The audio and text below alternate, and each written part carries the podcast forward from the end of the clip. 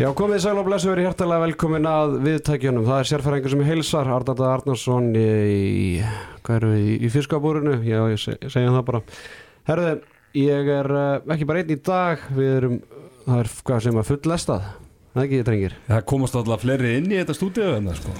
Ansið þétt setið Teatur Ingi Pálvarsson, Teddy Ponsen, Styrmi Sigursson, eða Styrmi Sigurðarsson, snikið sér klart og, og síðan Átni Stefán Guðjónsson, góðvinni þáttarins, verður hjertalega velkomin Átni Stefán. Takk hjá fyrir, gaman að vera með ykkur Takk fyrir það. enn eina nýja staðnum Já, long time no see maður. Já Við erum svona, þetta er svona búið að, er búið að fara tölvægt mikið upp á ég var með ykkur síðast Stærra rými, meira gler, meira bjart Er þetta að sjá takkabórið sem að sérfæringurinn er að vinna með líka? Já, ég líka sé bara hvað hann er sveittur og þurfa að stíða sér Þetta er bara enn eitt guðakastið sko. Með kvíaklippinguna þína líka? Já, já. Herðið strákar, uh, nú er Veislan að, byrja valsarði mistari mistarana og nokkuð sannfærandi gær þannig að þeir eru búin að taka hvað, sjö titli í röð ég sagði alltaf það hljómar mm -hmm.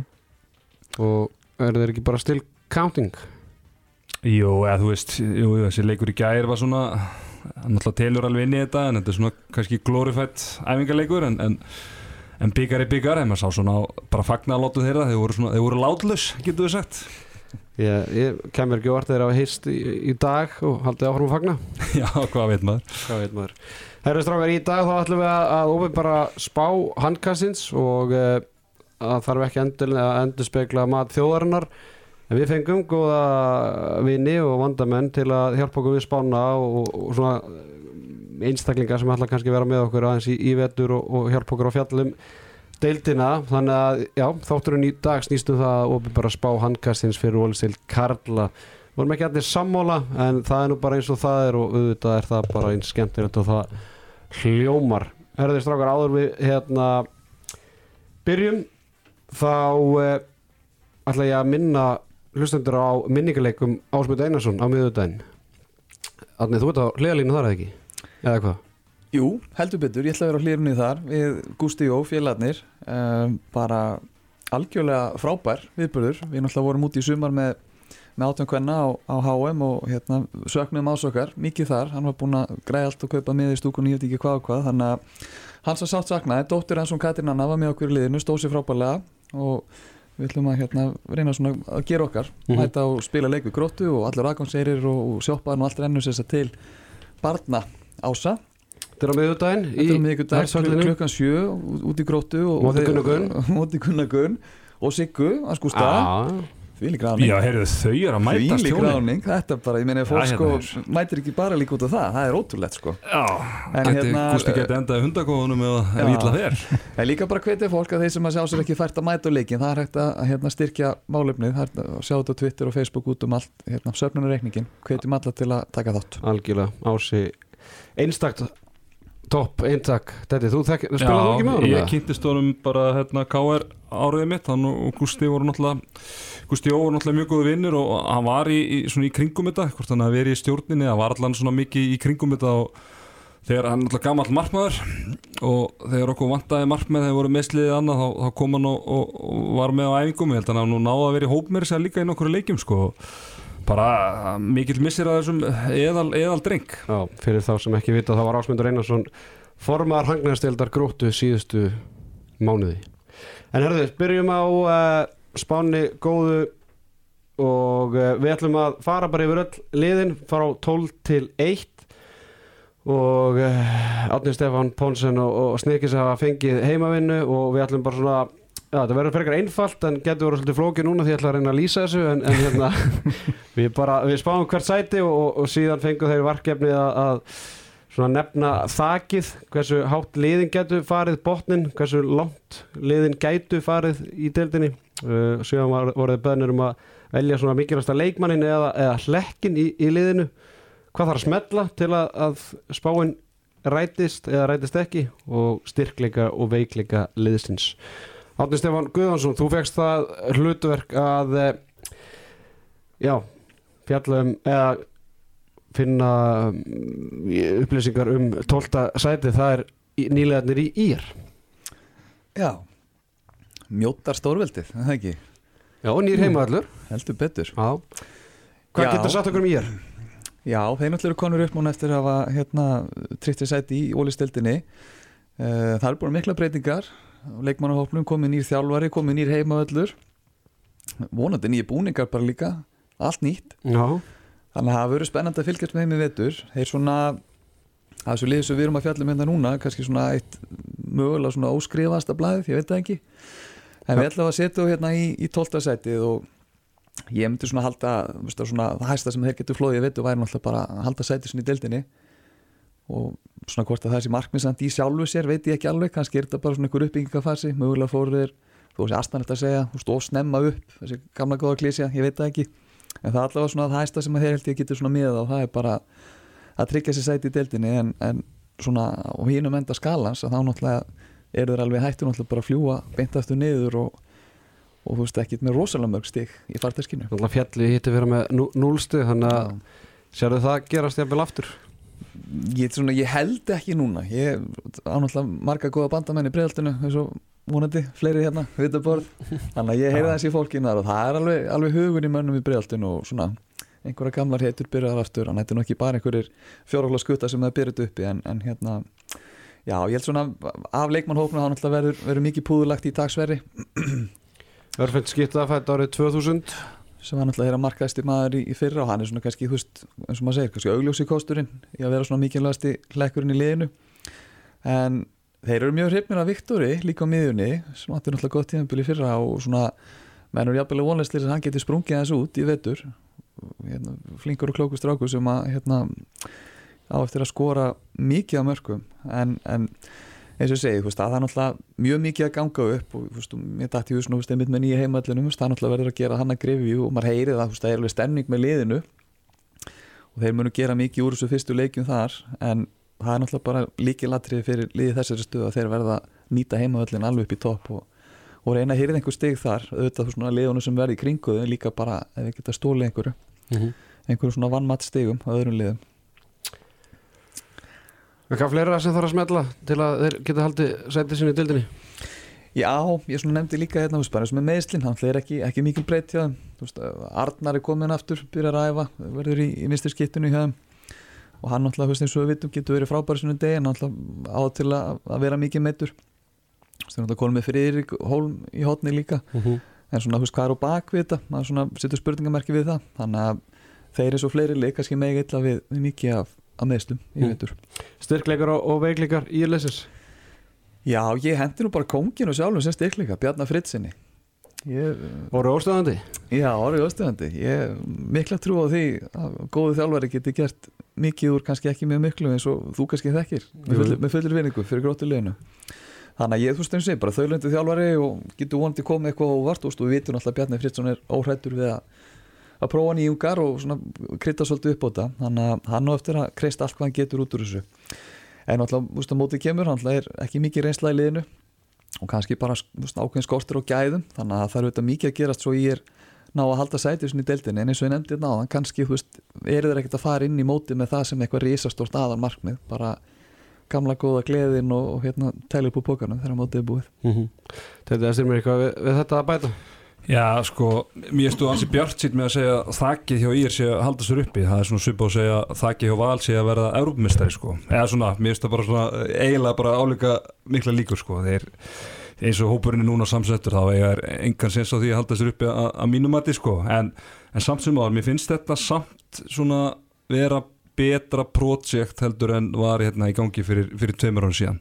Þá voru hérna náttúrulega bara lendu þeir í því að fóru hérna bara 12-14 leikmenn á einu bretti og þeir þurftu bara að byggja þetta alveg frá grunni. Og þessi ungu strákar kannski voru ekki alveg tilbúinu þá þannig að þeir fengu bara svona eh, leikmenn híðan og þaðan, svona leikmenn sem að kannski voru búin að vera mikið í grillinu kannski ekki alveg nógu góð til að spila í ólís en, en fengu, fengu tækifærarnir mér og svona blókuð þessa stráka eins og þess að tala með Dag og, og, og Viktor og, og þú veist og þeir fjallu og það var bara gott fyrir þessa stráka held ég að fá að vera í aðluturkum og þeir báru þetta lið algjörlega uppi núna. Þannig að þú veist hægt og bítandi eru þeir að koma sér. Þeir munu fara niður núna en verða það ennþá sterkari að koma upp næst. Þannig að Þannig að hérna, já, þetta er bara, þetta er bara project En hvað átt hann að segja? Átt hann að segja að það ekki að væri segja tvö það. stig? Já. Nei, Við þetta bara er bara lið. þakið er bara Ég 11. ætla að segja Nei, þakið er bara Já, kannski 11. 11. sæti og botnið Já, bara 12. Já, ég já. það er bara að vera já, Mm. Við erum að byggja upp Við erum í að byggja Hvað upp að- Svo í Jesus vetur Kristur. byrjum við Það að er bróta bara að niður setja bara átt og upp bara Það er Íslandsmeistari bara Það er bara non þannig. neikvæði mættir þetta strax bara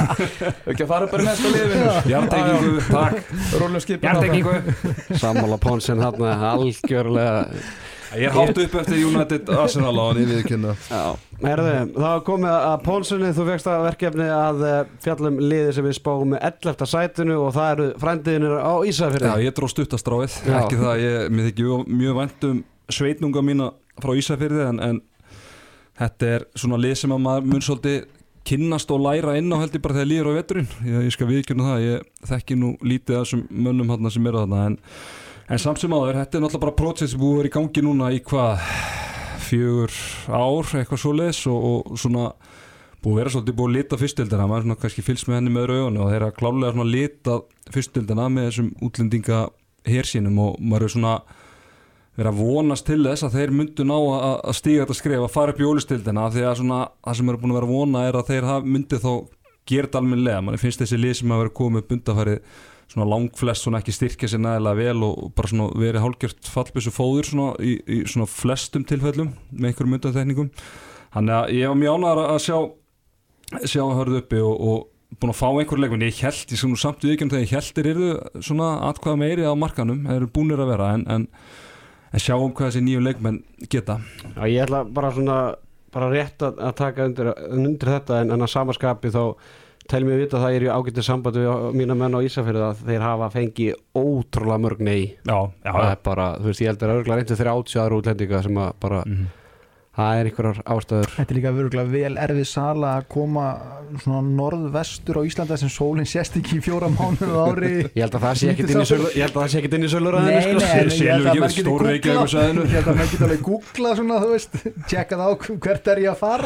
ekki á er er æðisluðu staður Ísafjörður. Já, Herðu, þetta er ég veist ekki um það sko. Förum við landafræðina síðar en, Já. en svona mikilvægsti hlækkurinn í, í harðarleginu að þínum mati?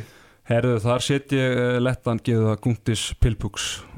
Eða Purku Pilnik eins og það verður kallar í handgastinu í vetur. Já, það er, eh, sko við erum alltaf læfið eða smá tími að tala í, í, í og hörð, það er ekkert mikil tími að fara í þá ég veit að hlustendur vita ekki alltaf mikið um það en, en Gundis hérna er meittur og verður áfra en, en verður frá næstu sex vikurnar að Já. minnstakosti sem er alveg það er mikið skellu fyrir það hann var, var hann ekki svona, var, var næst markaðastur í fyrra með einhverjum örfáðum mörgum Já, honum og, og híka Japanunum Já, en, en hann er svona þú veist, hann hefur verið svolítið svona bara burðar á sin í þeirra sóknarleik. Er það hann getur reynda að fá fyrir tveimur eða þreimur árum, tveimur. Já, nákvæmlega, hann, þú veist, hann þekkir inn á þetta allt og búin að vera svona með mig gegnum allt saman.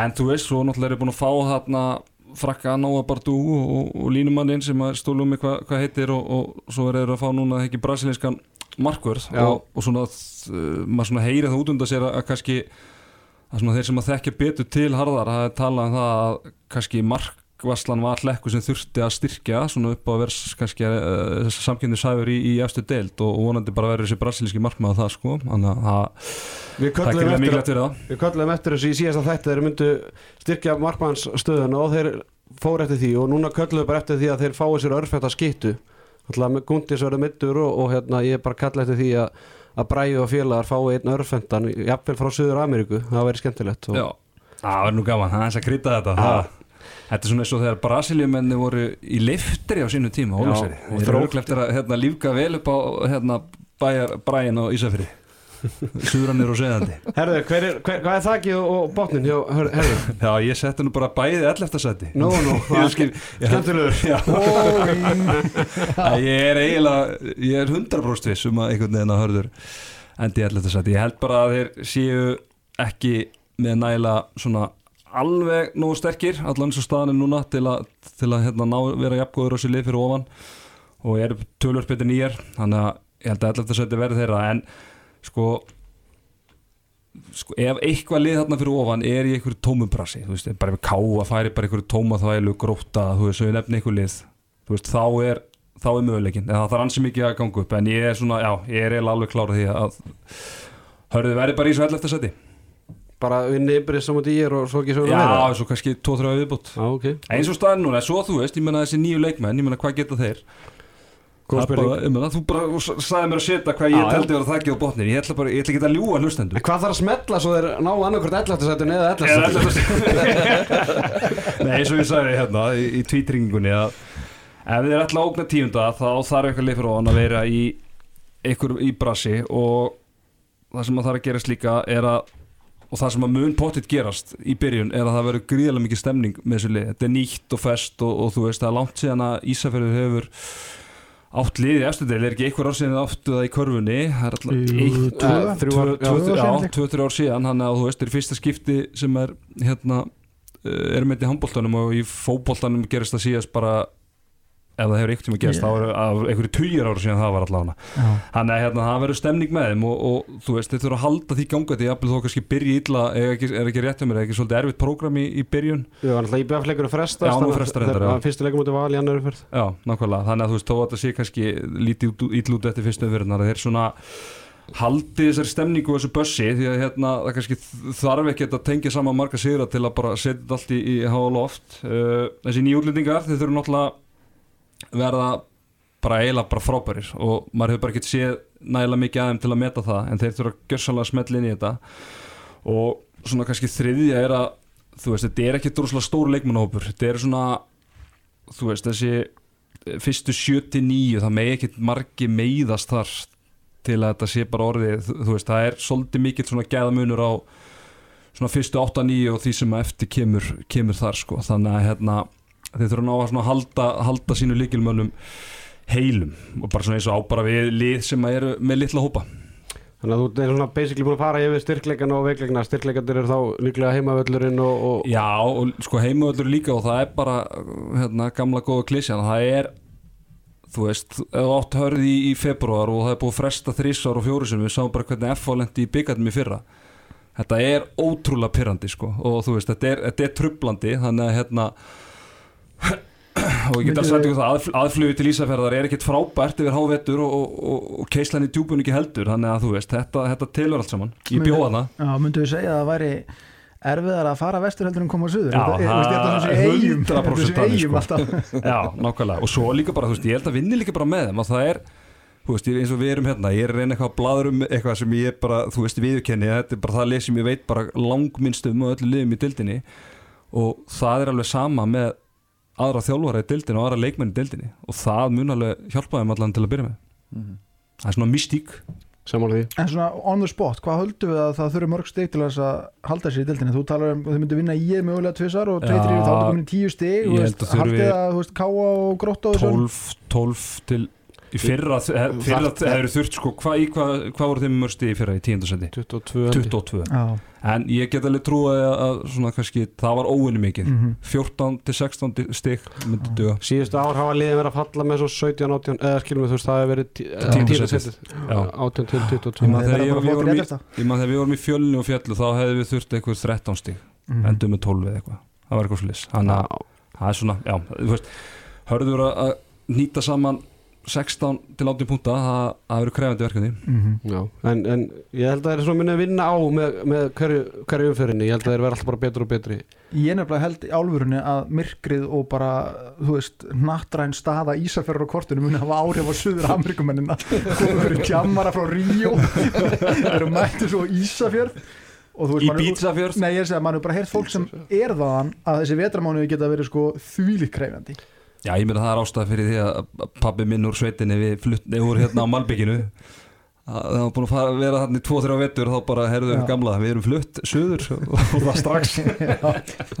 Það var bara, þú veist, þetta er, þetta er það það er alveg rétt hjá þér. Þannig að, já, En það sem að, það sem að svona síðasti punkturinn minn kannski til að bæta ofan á þetta er að, að þú ert að tala um uh, brasilíska markmann til dæmis en þetta er algjör leið fyrir hann að koma frá Suður Ameríka, koma í efstu deild í Evrópu og vonandi eitthvað, stö- eða hann horfir hann vil örgulega fara til Skandinavíu eða Þýskalands eða Fraklands eða skilum við þó að þessi ekki annar eða þriðudeldin þannig að þetta er svona þetta, þetta er gluggi. Þetta er gluggi, Mhm. klárlega sko, það er það sem að hörður nær kannski að selja þessum strákum að koma. Þannig að það er, ég held að þeir muni selja sér dýrt Já, hver- og hver er bara, er bara handbóltamenn og það er alltaf, það er alltaf 25 gráður og fín lýsing í, í höllinni í Torsnes og Ísafirði þannig að Já. það sé allt í rugli út, utan dyrra En þetta eru liðin sem við spáum falli strákar. Við erum búin að eða góðan tíma í þessu tvöli Ég held að við þurfum aðeins að kerta Ég skal vera snöggur. Næstu tíu. Þannig að tíundasæti styrmir Sigursson Snickers Kongur uh, Það eru gróttumenn. Já, ástæðan fyrir að við erum hér í dag.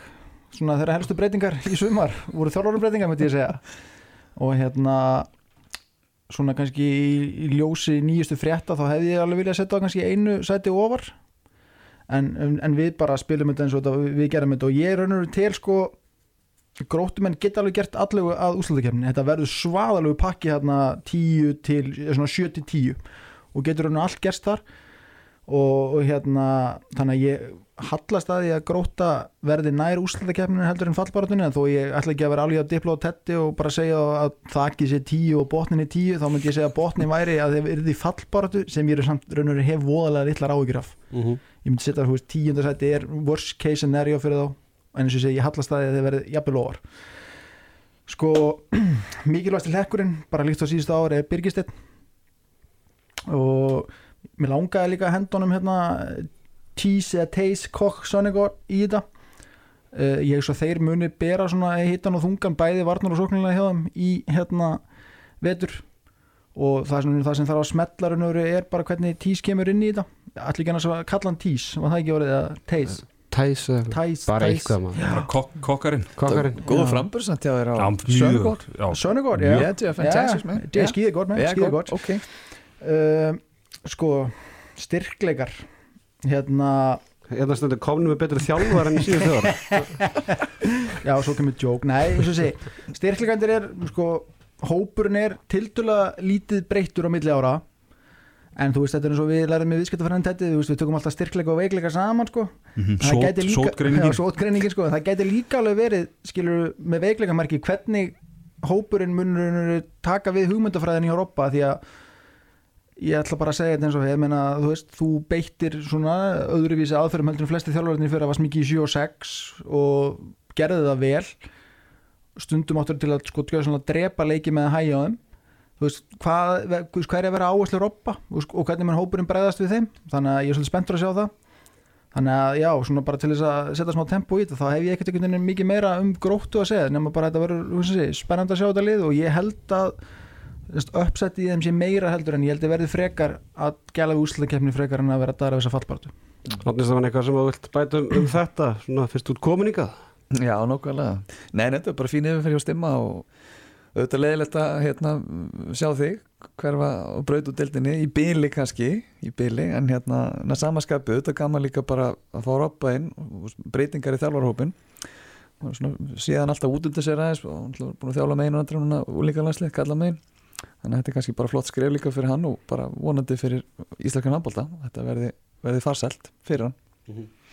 En svona, já, þakkið Svona hjá stemmið þú segir úslutakefnin Það sé þakkið og, og, og Já, og veist, ef ég var að, þú veist, ef við varum að setja þess að spá saman í dag hún er nú orðin hvað viku tíu dag gömul hjá okkur. Já, já, og ekki glemma því að þetta er ekki bara endilega spá frá okkur fjórum Nei, nei, þetta var náttúrulega- þetta var náttúrulega vegi, þetta var vegi meðaltal en Já. ég myndi klálega að setja það fyrir ofan næsta lið sem verður í rauðinu hjá okkur og þú veist, þeir geta alveg absolutt gert allegu að áttundasæti Ok, segjum það, nýjunda sætið Átni Stefán, þú fegst það hlutverk að uh, segja okkur aðeins um uh, Káa Já, því líka liðið maður Herðu, við náttúrulega sáum þá í meistaralegnum Við vorum ungir þar mm -hmm. Það er búin að vera breytingar bæði á, á leikmannahóp og, og þjálfara teiminu um, Ég ætla að vera bara brattur og ég er mjög jákvæður Nú veit ég að þetta hérna situr á ránkólur augunum en það ekki á káalunni og það er alveg klálega bara fimmtasætið Ég myndi segja að þetta er, rosalega pakki þaðan og, og alla leiðinu en það er líka stutt í, í hennendan þeim og botnin er náttúrulega bara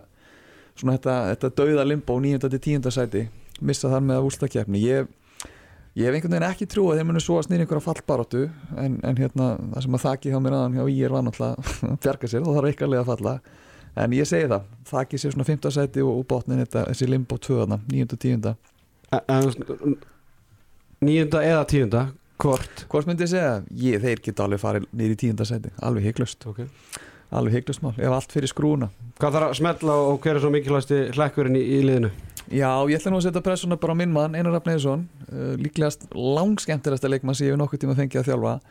Hann á mikið inn í sinni fyrra og veit að bara manna best sjálfur þarf að drífa þetta svolítið áfram sóknarlega og eins og við heyrðum í, hérna, í tæmatónum í leiknum um daginn hann er alltaf með stóra rödd líka bæði klefanum og inn á æfingum og mjög reynslu mikill þannig að þeir þurfa að treysta svolítið á, á hann. Uh, alla náttúrulega líka mikilvæg fyrir þann og þeir munu eitthvað rúla þessu stöðum hægri skittu og hægri hotni en þú veist það sé það svona kannski að smetla hjá með bara veist, einhvern veginn að reyna að halda svolítið sjó. Óli Gúst náttúrulega klár einhvern tíman í november skils mér. Uh, það er eitthvað stýttir í Patrik hjá þeim en, en þeir náttúrulega voru með bara mjög unga stráka inn á móti val sem að stóðu auðvitað vel og eiga eftir að hérna, fá svakalega eldskipni í vettur en, en við vitum það náttúrulega með svona mjög unga leikmenn að veist, hæðirnar eru háar en, en botni líka helviti lár þannig að þeir þurfa svona að reyna að ná einhverju stöðuleiku upp og meðan þeir finna, finna taktin í vettur ég nefndi hérna líka veist, breytingar á þjálfarateiminu heimir átna dottin út. Vist ekki eftir að vera í og, og pólitík Sverri Já, og Sverri náttúrulega líka, vist ekki eftir að vera í pólitík og, og þjálfa, það fyrir ekki saman og akkuriri Mm. þannig að Gull er komin inn og það er svona spurning hvort að þú veist, það sé einhver, einhver skýrari verkaskipti núna hvort að Jonni fókusum er á sóknina og Gulli á vörnina eins og þetta var hjá Vali hvort að hvort þeir sé einhvern veginn bara með þetta flæðandi. En þeir þurfa náttúrulega líka að finna svolítið rithma saman og láta það ganga sem að gekk einhvern veginn ekki alveg framan að í fyrra áður en að heimir kom inn um, stillingarnir á Káa það er náttúrulega bara þetta klassiska stemningin og hrikalega sterkur heimaöllur þeir einhvern veginn geta unnið öll í deildinni fyrir norðan en eiga náttúrulega líka til að geta tapað einhvern veginn fyrir öllum þegar að sá gýrin er á þeim. Og vörðin náttúrulega verður helviti sterk þegar hún smetlu saman með Óla og Ragga í þristunum en hérna þannig að mótið kemur náttúrulega þetta er, þetta er rosalega ung lið og þeir munu treysta á unga stráka alveg nýri hvað er ekki bara 6, 16 held ég? Mm -hmm. 15, 16, Það 17, eru, sek, eru 16 og 17 dagur 16 og og, 17, og skarpiðin já, 6 og 06 og 05 módel. Nákvæmlega, þannig eins og ég segja, það verður ótrúlega gaman að sjá þó, ég menn þjálfaða mótið með fyrra yngir flokkana hjá FA og þeir eru frábæri leikmenn en, en hérna en við þurfum líka að mun eftir að þeir eru ungir og þeir munu fara upp og þeir munu fara langt niður. Þannig að þetta er svona snýstöldu stöðuleikan fyrir Mhm. norðan. Gáðamenn í nýjönda sæti rétt missa af úsildikeppninu ef spá handkassins rætist Vindum okkur í áttunda sæti liðið sem að rétt slefar í úsildikeppnina ef þetta rætist eins og ég segi Theodor Ingi Ponsen framarar. Já, framara, þeir eru náttúrulega búin að vera þarna bara ja, bara í þessum limbo dansi þarna í kringum þessu úsliðakefni síðust ár. Verið bara verið þarna bara tíunda, níunda þú veist, svo hérna loksins datinda eða svona hérna hann að hérna í fyrra hann að hérna já, þú veist og þeir verða bara þarna á svipum slóðum það kannski vinnum með þeim að uh, sko fram hefur bara verið þú veist þegar þeir hafa verið að lenda í hérna, uh, þú veist, þeir náttundarsætti fyrra það, það er raunin bara því að það verður bara hrun hjá afturheldingu, basically og svona þar á undan, þeir voru í níund og tíund sæti, þá bara voru þeir einhvern veginn svona lang níunda og tíunda besta liðið og bara enduð þar, en það sem hefur gerst kannski núna er að þessi lið í kringu þau hafa veikst, veist, bara liðið svo Káa, liðið svo Selfoss. Og hérna, þú veist, afturhelding þannig að hérna, þú veist, það er auðveldara fyrir þá að komast í úslandakefninu heldur en ofta aður og svona meðan þeir kannski þeirra hópur hefur ekki veikst uh, þú veist, ef hann hefur veikst eitthvað þá er það allan ekki nærjað mikið. Þannig að ég set þakið á framarna sjötta sæti. Mér finnst þér alveg geta, þú veist alveg enda, enda þar. Og þá er hún er að, að þá að skilja þá liðins og, og Selfoss og, og afturheldingu fyrir neðan sig og auk þeirra liða sem við erum búin að, búin að nefna. Svona ef það spilast eins og við erum að sjá þetta. En svona til þess að þá þarf þarf einhvern veginn alltaf, alltaf gangu upp sem að ég kannski fer yfir á, á eftir. Og á samanskapið þá tel ég botnin vera, vera tíundasæti þetta verði svolítið pakki þarna frá 6, 5, já 6 og í 10 ég held að það verði rosalega pakki. Þannig að hérna tíundasæti ég held að þeir verði aldrei í, í nefni alvöru fallbaróttu það er svona það þyrti bara þetta er alltaf, við erum alltaf góðum þjálfar og alltaf góðum leikmannhóp til, til að gera, til að lenda þar að mínu viti allavega. Mikilvægst í hlekkurinn í, í framliðinu og hvað það er svona smetla til að framarðir í nájafnvel í sjötta sæti? Já, sko þeir náttúrulega missa Vilhelm Pólsson og í fyrra sem var svona þeirra langbæsti leikmaður þó að það svona kannski dreja aðeins á hann þegar leið, leið á tímabilið.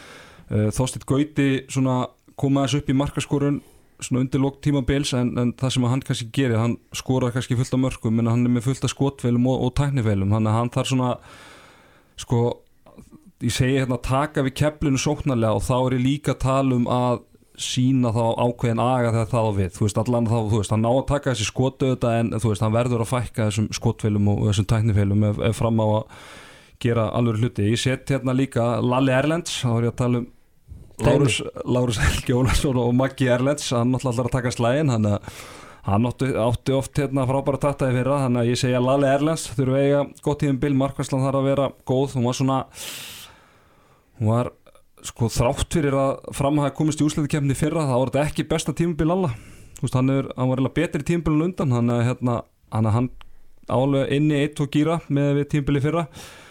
Og sko já, og svona kannski þessu tengt líka svona hvað þarf að smetla að uh, þá horfi ég svolítið á fókbóltan, þeir fóru í þessa nýju aðstöðu upp í, í Úlfars, Úlfars ársdal og, og svona fyrir mér hefur fram alltaf verið svona bara síðan ég byrjaði að fylgjast með íþróttum bara svona eitthvað pleklúpur, hvað var það svona eitthvað stemningu, það vant að þú veist aldrei fundist vera eitthvað svona alvöru félagsandi aðna, þeir eru verið búin að vera að finna það því að stemningin enn í sumar er búin að vera frábæra nú eru komnir í þetta nýja hús, komið með einhvern veginn allt, allt hérna, alla aðstöðun á eitt stað, þannig að ef þeir ná svona sama, sama hérna, meðbyr og stemningu þar eins og í fókbaltanum og þá geta þeir bara gert flotta hluti og svo er þessi útlendingar, þeir náttúrulega missa Vilhelm og, og Rokva, Línumæður og Hæri Skitta sem voru bara tveir mjög mikilvæg leikmenn í, í þeirra þeirra liðum, skilsta línumæðurinn hann sé the real deal, sé bara algjört nöyt og, og stór og sterkur og bara frábæð línumæður og eftir að geta fyllt skarð eh, Rokva og bara gott betur það jafnvel,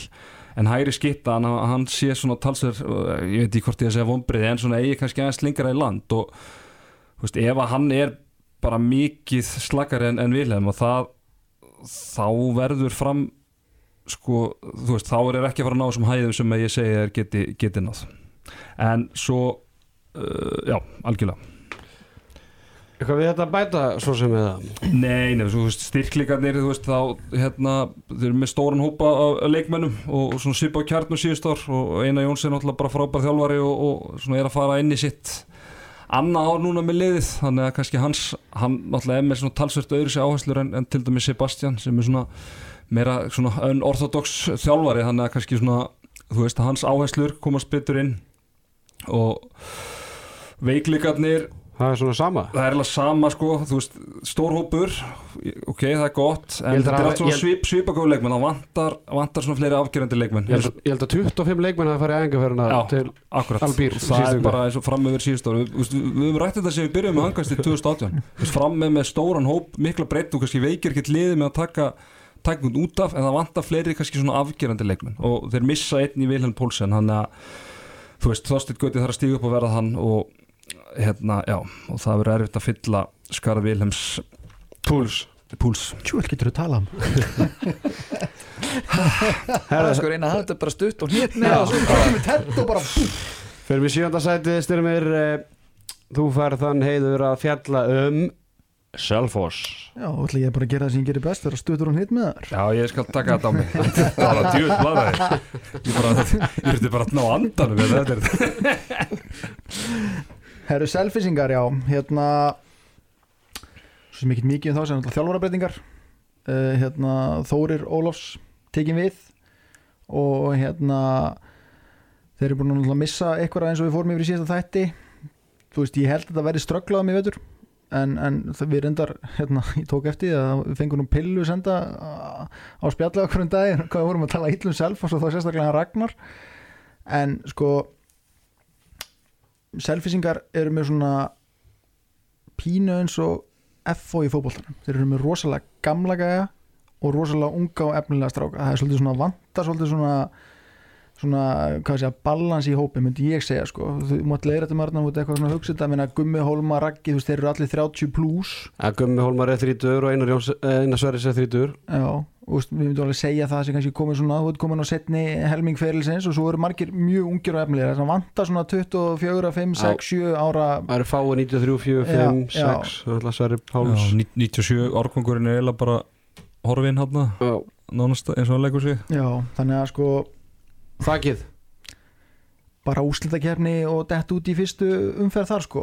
Þú veist, það myndi ég segja að væri bara þú veist, vel að sér vikið, þetta er náttúrulega bara sama gamla klísjan með öll þessi lið sem hún að fjalla um, þú veist, sjötta, sjöunda til tíunda, það getur bara allt gerst, svo maður sé svona að þrítryggja sig sko, en ég myndi segja að það ekki að Selfoss getur komist úslitakefnina og detti þar út á móti betra liði í deildinni bara. Og getur bara vel við unnað ef við ná aðeins að blóka þessu ungu stráka í bland við þessu eldri menn og ég ætla ekki að vera age-shama, þú veist, þeir eru vissulega yngri en ég samt en þú veist, þeir eru svona komnir af léttasta skeiðinu í dildinu og hafa, þú veist, gummi búin að vera meiðast aðeins undarfærin ár og, og svo leiðis en ef þeir ná að halda sér heilum þá absolutt bara eru þeir hérna sjötta, sjönda seti botnin þá 9. og 10. Já, bara svona eins og alltaf, og- já, bara eins og alltaf skilur og náttúrulega mik- mikilvægsti hlekkurinn hérna er Guðmundur Holma myndi ég segja og það sem þarf að smetla raunur er bara að þessir reynslu meiri menn Einar Sverri, Skummi, Raggi þú veist, ná einhvern veginn að balansera lið og komið svo ungu strákum inn í bara upp á framtíðina sko þú veist, þið þurfa að haldast heilir Mhm. og og bara eiginlega svona betri framist að heilt yfir frá þeim leikmennum skilur mig að það var svona frekar svona þegar við talum við svo selvarsliði fyrra þú veist það var kannski Guðmundur Holm átti eitt góðan leik skilur mig og svo bara var hann lélur næstu 2-3 eða saman með Ragga og Einar Sverri þú veist það var svona sjálta sem þeir Mhm. komist á eitthvað gott flug og, og, og náðu ykkur svona moment, momentum með sér sko. Já, ég, ég er bara svona mest ágefni mitt fyrir Selfoss er bara heilsan og gumdi hólmari sko. Mm í heilt tímabil. Já, þetta verður, verður erfitt ég sammála því. En uh, hvað var að smetla styrmi svo að, að selvisingar náu í sjönda setinu Jú, eins og ég var að segja rétt á hann þá bara hérna þurfa einmitt þessi reynsluboltar að haldast heilir og ná að koma þessum ungu gaurum inn í, inn í hérna liðið og svona einhvern veginn gefa þeim smá reynslu, þú veist það er bara eina sem er, það er bara eina skilum við, Þú veist, það er ekki Rasimas aðeins að stígu Jú, upp og eh, vörn og markvæsla þurfa að þú veist, eins og, eins og, eins og þetta er mjög einfalt sport skilur vörn, markvæsla og hraðablöp en þú veist já auðvitað þú veist ég myndi segja að það þurfi bara að smetla menna ef að Gummi Holmar og Raggi meiðast þá eru selfinsingar bara í tíundasetti þú veist þeir megi ekki við neinum skakkaföllum í- í útilínunu sinni það er svo lítið annað sem kemur svona með reynslu mikið inn í staðin sko. menn þeir eru búin að missa hergir sem að raun og veru bara stjórnaði sóknarleikara algjörlega í fyrra. Áttilið Já, sem mjög meina það. Og hérna, þannig að þú veist já, það þarf bara, menna þeir þurfa bara að kontróla álæðinu á þessa stráka sem eru komnir öfu megin við 30 og bara passa upp á álæðið styrkleika veiklegar ég meina, styrkleikarnir eru náttúrulega bara Selfoss er handbóltabær, mikil og góð hefð þarna og það er alltaf góð hérna, stemning í hleðsluhöllin og sama hvernig mun ganga fólki mun halda orðum að mæta mm veist, það er enginn að fara að hætta eitthvað að snúa baki við þeim ef þeir eru í 10. 9. 8. sæti það verður alltaf bara stapað hús og, og hérna góð stemning þannig að það myndi ég segja að myndi vera svona styrkleikarnir hjá þeim. Veikleikar, menna þú veist eins og ég sagði, skrítin balans í hópnum. Þú veist, það vantar þetta miðjubil svona í hann, þú veist, mikið ungum, mikið eldri leikmönnum. Þórir er að stíga svona sem fyrstu skref sem aðþjálfari, var eitthvað hérna, var hann ekki á stjórninu fyrir þreim árum síðan sem aðstofar maður eða eitthvað? Þannig að þú veist, ég veit ekki hvort það sé endilega veikleik en bara spennandi að fá hann inn, gaman að sjá hvernig þetta verður en þú veist, já, ef ekki bara enda á þessum skemmtilega nótum að veist, Mhm. þetta verður bara pakkið hérna sjö til Já. tíu. Var þetta ekki bara klók ráning líka þessu klálega með ofgótt lið til að falla? Já, al algjörlega. Nokkuð tíman, þannig er þetta ekki bara flott tímabil fyrir Þóri að fá að blóðgæða stænutna það með svo með Robba Gunni og veist, bara flott að fá þess að stráka inn og svo er örglega ykkur Haukur Þrastason eða ykkur hérna, Elvar Örd sem er í þessari akademi sem allt inni kemur inn sko, veist, Já. þeir eiga alltaf menn veist, og það, ég held að fyrsta val á Selfossi sé alltaf handbólti hjá öllum sem er á íþróttir. Mhm. Þannig að það eru ykkur 16, 17, 18 ára strákar sem bara ég hef ekki séð sem geti alveg komið upp og ég verði desember bara að veist, þessi gæði, one to watch. og svo er, þú veist, svona maður að segja, svona öxullin í liðunni er góður, sko. Þú veist, þeir eru með markmar sem er bara topp 3 markmar í dildinni, þeir eru með besta sóknarlínum hann í dildinni, eða þú veist topp 2 sóknarlínum í dildinni og útilínu, góða útilínu, sko. Þannig að, þú veist, þetta er þetta er kannski svona, þetta er brotætt en Mhm. sko, þegar þeir geta stilt öllum upp þú veist, þá er þetta bara gott lið klálega, myndu við segja þá kannski að líkilpósturinn sé bara Jóndi sjúkaþjálfari? Og ofta áður. Svo oft áður, þetta bara stendur og fellur með honum. Já, mætti segja það. Herðu, það er ekki fleiri orð sem fara alla leið á, á Salfossi í bili og þá er komið að sjötta sætunu Átni Stefán uh, Þetta er frekar óvænt var einu að segja. Afturhelding Já, talandi sjúkaþjálfara, hvernig var þetta segvei og selfa sér afturhaldingu Já, Mósus Bærin maður. Um, Já, það fer nú ekki frábælega að stað meðslega, sagði nýstu fréttum. Þá er, er Þorsteinn Leo okkar maður, hann er ripesbrotin ég missir að byrja að byrjum tímabilsins og, hérna beggi eitthvað, eitthvað möguleg eitthvað tæpu líka en, en hérna það er náttúrulega bara meðsli nummer 1 og 10 sem þurfa að vera í lagi hjá afturhaldingu vettur og með alla heila þá verður þetta hörku lið og svo erum við að tala um þetta selfisingar náðan að þeir geta stilt upp svakalega flottu byrjunarliði en, en þeir náttúrulega voru ég var að segja óhefnir í fyrir með meðsli þetta náttúrulega bara væri svo bara faraldur sko.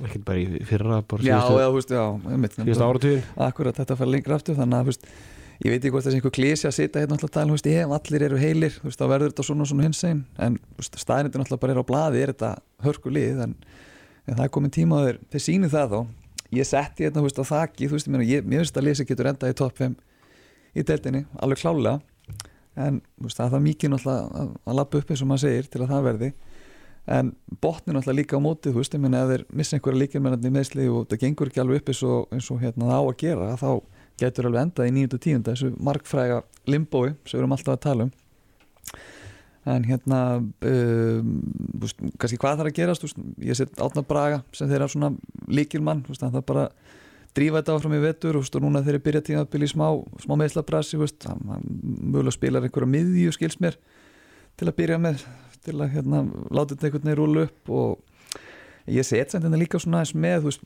bæði Birki sem ég held að verði en dýrmættir í vetur búin að hérna, ná góð undirbúinstíðanbili og, og hérna, lítur bara, bara mínu viti mjög vel út og svo með Þorstein Leo við erum búin að, búin að tala svolítið um hann síðustu tvö ár, ungur og efnilegur og stór og flottur og allt það. Veist, nú er kannski bara komið svolítið tíma að hérna, hann stýju upp og sínur hvernig gerður þegar rauðbenni græðir saman. Og hann hérna já, ég myndi alltaf vilja sjá það, sjá hann svona reyna að taka svolítið næsta skref í, í vetur Uh, hvað þarf að smetla, veist, eins og segi þetta er bara meðslinn ef, ef þið ná að halda þessu líkir postum heilum þá er þetta hörkurflott lið en það er líka stutt í, stutt í hinnendan og svo fór ég hérna í smá rannsónavinnu, ég hef virkilega gaman af Microsoft Excel. Það er alveg mitt langu uppáðsfórið í Office bakkanum og þeir gerðu þess að sjö jættibli fyrra. Svísar mútið gróttu? Já, voru sér með helmikið, næstu helmikið hlæri jættibli en næsta lið eftir. Og þar fyrir utan að þá tapa þess að fimm leikjum með einu til tveim mörgum og vinna reyndar á móti fjóra með einu til tveimur. Þannig að leikinni hefur línu fyrir að voru hrikalega jafnir. Veist, það eru þetta stutt upp eða þeir hefðu getað unnið eitt á þessu leikjum. En það er líka rosalega stutt í hináttina Já, þannig að ég er svona setti það kannski hérna veist, að, kannski svona veist, þetta er einhver smá fókuspunktir á gunna fyrir vettunum, bara smá auka power þessi kraftur, síðustu 10-15 að ná að hérna kreista þess meira út úr þessu en svona styrklingarnir, þetta er bara hörkulið þegar allir eru klárir með valin manni í hverju stöðu, geta að spila mjög góða vörð þeir eru svona vonastilis að fá betur markuslu, geta ímda meir í veturinn í fyrra svona stöðuri uh, búin að fá Bötta tilbaka upphælunum Mósusbæ hinn í hjartaðavörninni Pétur Júni komið tilbaka á að vera í betra standin í fyrra en... Reyndar erlendis núna ekki? Já, Já, hann var á, hann var á hérna, formúlinni síndist mér. Já, já, ég meina það, menn þurfa, menn þurfa að lifa lífinu. Jú, jú En það er svona, veist, þetta eru uppaldi Mós og stráka, þú veist, átni bregðna líka hann að, þú veist, það er svona, ég veit ekki hvort maður að tala með eitthvað Mós og hjarta, en þú veist, það er svona þurfa að fara allavega, þú veist, það þarf að lifta þessu liði bara upp á, upp á næsta level, það er alveg klárt mál.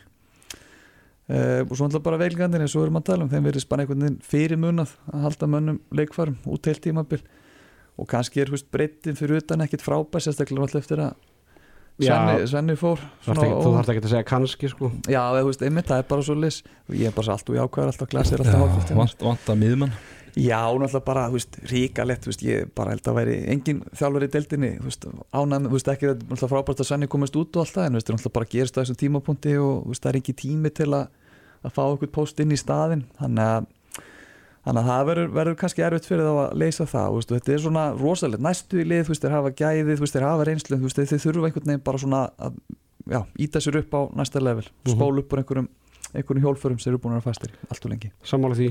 Stráðar, við erum búin að ræða núna liðin í 12, 12 til 17 seti. Við vorum svona nokkuð sammála um það hvað lið muni falla og, og erum síðan búin sammála um það að öll þessi lið frá 7 til 10 seti getur farið upp og niður og bla bla en þú veist, bara þannig að fólk fái nú eitthvað heima, heima frá okkur eitthvað annað en bara eitthvað klísukendar, þú veist, er afturling að fara að enda í 7 seti eða skiljum við, þú veist, hvaða lið af þessum þessum liður sem þú veist, erum við að erum við sammúlið það að gróta og Káa er ekki að vera úsleitkefna myndu þið setja peningin á það eða? Káa er ekki að fara líka sko þetta 6-10, ég myndi ekki setja pening á neitt það, skilur þú veist að þetta er bara, þetta er bara það jæmt okay. en þú veist, við erum að búið til spá hérna þú þarft að, þá setjið þið eitthvað röð, skilur ja.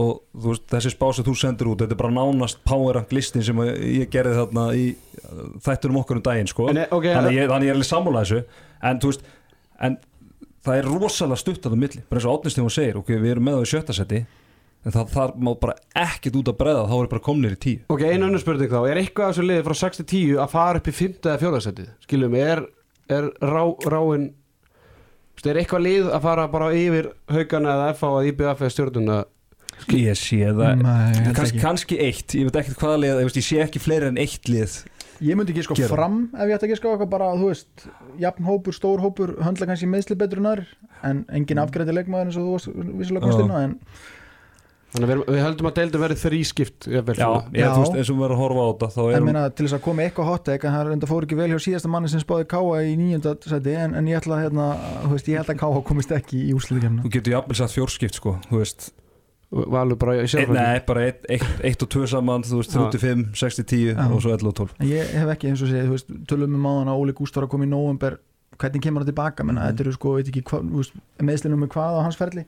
Já, Já. er rosa mikið að spurningamerkjum ég, þú veist, persónulega myndi að þessu liðu myndi alltaf setja minn pening á afturheldingu með frábæna þjálfar, þú veist, eins og ég segi, þú veist, í öllu þessu brasi sem þið voru í fyrra, þú veist, þá er samt þú veist, það er svo stutt í þetta hjá þeim já Ég held, ég heldur séum líka bara svona okkar skoðun á eftirhaldingu mótist bara hversu ömurlegt þetta var undir lokin í fyrra Já. að þegar maður horfum á leikmannahóp þú veist, það er fullt af ógæslega Mhm. góðum handbóltamennum hana, þú veist, og af þessu liðum sem við erum að horfa á 6-10 þá er það, það sennilega kannski það sem er með flesta góða handbóltamenn á pappinum En bara breytin er bara engin sko. Þetta er bara, þeir voru í æfingu Þú veist sko, talandum að framhæður með 25 leikmenn í æfingunni Ég held að þeir hafa verið með 8 leikmenn hérna í æfingunni á spáni sko. Veist, bara, það, það, er ekki, það er ekki vanlegt til árangus förum í fymta sætið eh, Pánsen, þú fegst Yes. að fjallum þína menn í haugunum. Haugar, haugar Við látum aldrei bugast. Herðu, haugarnir Sko Þeir uh, náttúrulega eru búin að Missa svolítið í fyrra Hver er fatnið? Það er Darri, Tjörfi Þú veist, Aron Rafn dottin út. Uh, Þetta er, er ég að glemma einhverjum? Haldur Ingi. Þetta er, þetta er alveg skoður sem eru hókið þráin alltaf mitt til, til áramóta. En, en þú veist samt sem áður þetta er lið í fyrra sem að var bara hárspreitt frá að vera dildamistari það bara réðist í loku umfyrinni að Valur var dildamistari en, en samt einhvern veginn var maður að tala um haugana eins og bara hvað þeir ættu þú veist, væri langt frá að spila sinni getu en einhvern veginn voru þeir að harka þessa harka þessa sigra en svo bara gáðu þeir ansi hressilega eftir svona skröldi getum áttalega úrslit inn og, og duttu svo bara nokkuð örglega út í undanúrstum uh, Sko ég, já, ég held að þeir verði í þessum pakka þarna í, í 3 til 5 þannig að ég set þakki þriðasæti og þú veist og bara haugarnir eru gott lið með mikla hefð og þeir geta alveg dottið eitthvað köpbrönn og, og gert eitthvað hluti í byggandum þannig að bara þriðasæti og byggamestrar það er, það er hérna þakkið uh, botnin þá sé ég þá ekki neðar en sjöttasæti þú veist, við erum með það fymta, við erum að tala um þetta að verði skipt en þá er ég að tala um að það sé max eitt lið sem að fari bara eitthvað bilarönn og sé, sé svona overexíta okkar vendingar Sjöngum við sjálfu þeir hana sjötta seti uh, mikilvægsti leikmaðurinn hlekkurinn, það setji Stefán Rafn, hann svona bara gæðilega sétt, bara frábær leikmaður góðu varnamaður og hann er svona eins og hérna, orð sem er mjög vinsalt núna, hann er svona gæðastjóri. Þú veist, hann er hann, veist, ég sé bara fyrir mig þetta þessi gæðin sem bara passar upp á það sé bara það sé verið að keppa á æfingum og það sé bara allt trillt allan tíman og menn sé að gera þetta viti. Þannig að hann er klálega svona þeirra mikill svona bara haugari að þeirra líkjum maður, ég set Guðmund Braga svona, svona close second, það er bara uppalinn strákur og bara það er þvílitt vaksandi og svona sóknarleikurinn verður svolítið, stýringin og honum verður í hans höndum náttúrulega tjörfi, er hann staðfest hættur eða hvernig ætlar hann reyna að vera með? Hann ætlar að reyna að vera með. Já, en þú veist allt svo, það, Guðmundur Bragi er bara að fara að vera límið og heilin í þeirra sóknarleik. Uh, hvað þarf að smetla það hefur það er svona þinstæðis í ónum eins og við vorum að þylja upp á hann það er leikmenni sem við taldum á hann sem eru farnið og ekki mikið komið í staðinn. Það er ekki bara þessi strákur og hérna færum og, og, Markmaðurinn. og markmaðurinn, litáinn Goggi.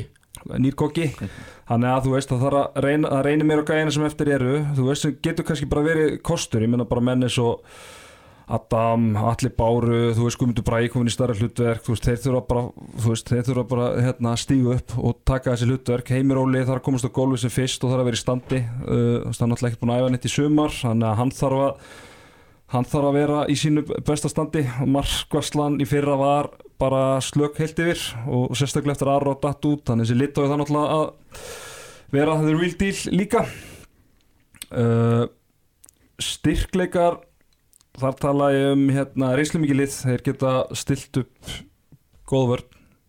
Bara bara sterk 6-0 vörð sem þið getur stilt upp í og líka er rauninni farið í 5-1 með Stefán fyrir framann svo svona að maður horfir á þú veist, þá breytin hafi minkað það er, það er kannski ekki augljós svona veikleika staða sem maður horfir, þegar maður horfir á, á byrjunarlið þannig að það, það vinnur með þeim. Uh, veikleikarnir uh, liðið er náttúrulega brotið þetta en, en áður vegna þess að bara breytin hefur minkað og samsetningin, þetta er sama að þú veist að tala um á Selfossi, samsetningin á hótnum er þannig, það er svona þú veist, það er mikið að gæja manna í kringum, þú veist, 30-30 pluss hús Stefán Heimir og, og, og, hérna, og fleiri þarna, þú veist, þannig og svo er bara, vantar alveg bara á milli þannig að bara komin í Guðmundbraga, það vantar eins og menna á þessu milli aldrei. og svo svo geðbiluð þreita í Já. hóknum í fyrra Já, sko, það var, hvað- það var nákvæmlega já. það var nákvæmlega það sem að hérna, ég er að segja, það er kannski komið þreita inn að kjarna já, sem sýnir sig og þetta gerst líka síðust ár það gerist aðeins setna í hitti fyrra mhm. hvað þið gefa rosalega eftir þegar líður tíum Mhm. það gerist rauninni ekki fyrir í úslitaðinu mm. -hmm. undanúslitaðinu í hitti fyrra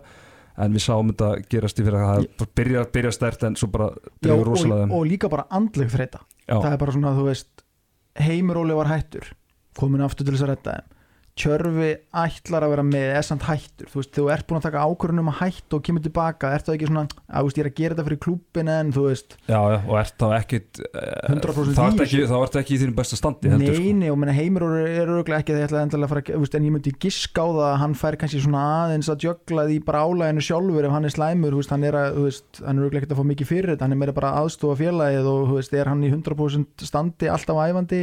fá mikið fyrir þetta, hann meira bara aðstofa félagið og þú veist, hann í 100% standi alltaf æfandi, þú veist eða fær hann kannski að taka veist, frí hér og þar og náttúrulega, þú veist, giftur, giftur fjölskyldum maður og svona, já, já, en það erum við að færa haugana ég menna, þú veist, við erum að færa það úr því að vera bara lið sem á var hársprettur að vera dildamestari fyrir nýri himtsendi Mhm. það er Það er ekkert meira að færa það svolítið niður sko. Það er ekkert meira lið á landinu sem virðir delta mestaradildinu meira en, En- en, haugarnir Haukarnir, sko. og núna nákvæmlega. verða það bara í veist, bara fyrir önnu liði deildinu þá vona ég bara að þau síni haugunum þá virðingu þegar þau mæta þeim að koma í standi Nákvæmlega, Já. en gleymið því ekki að hauka lendi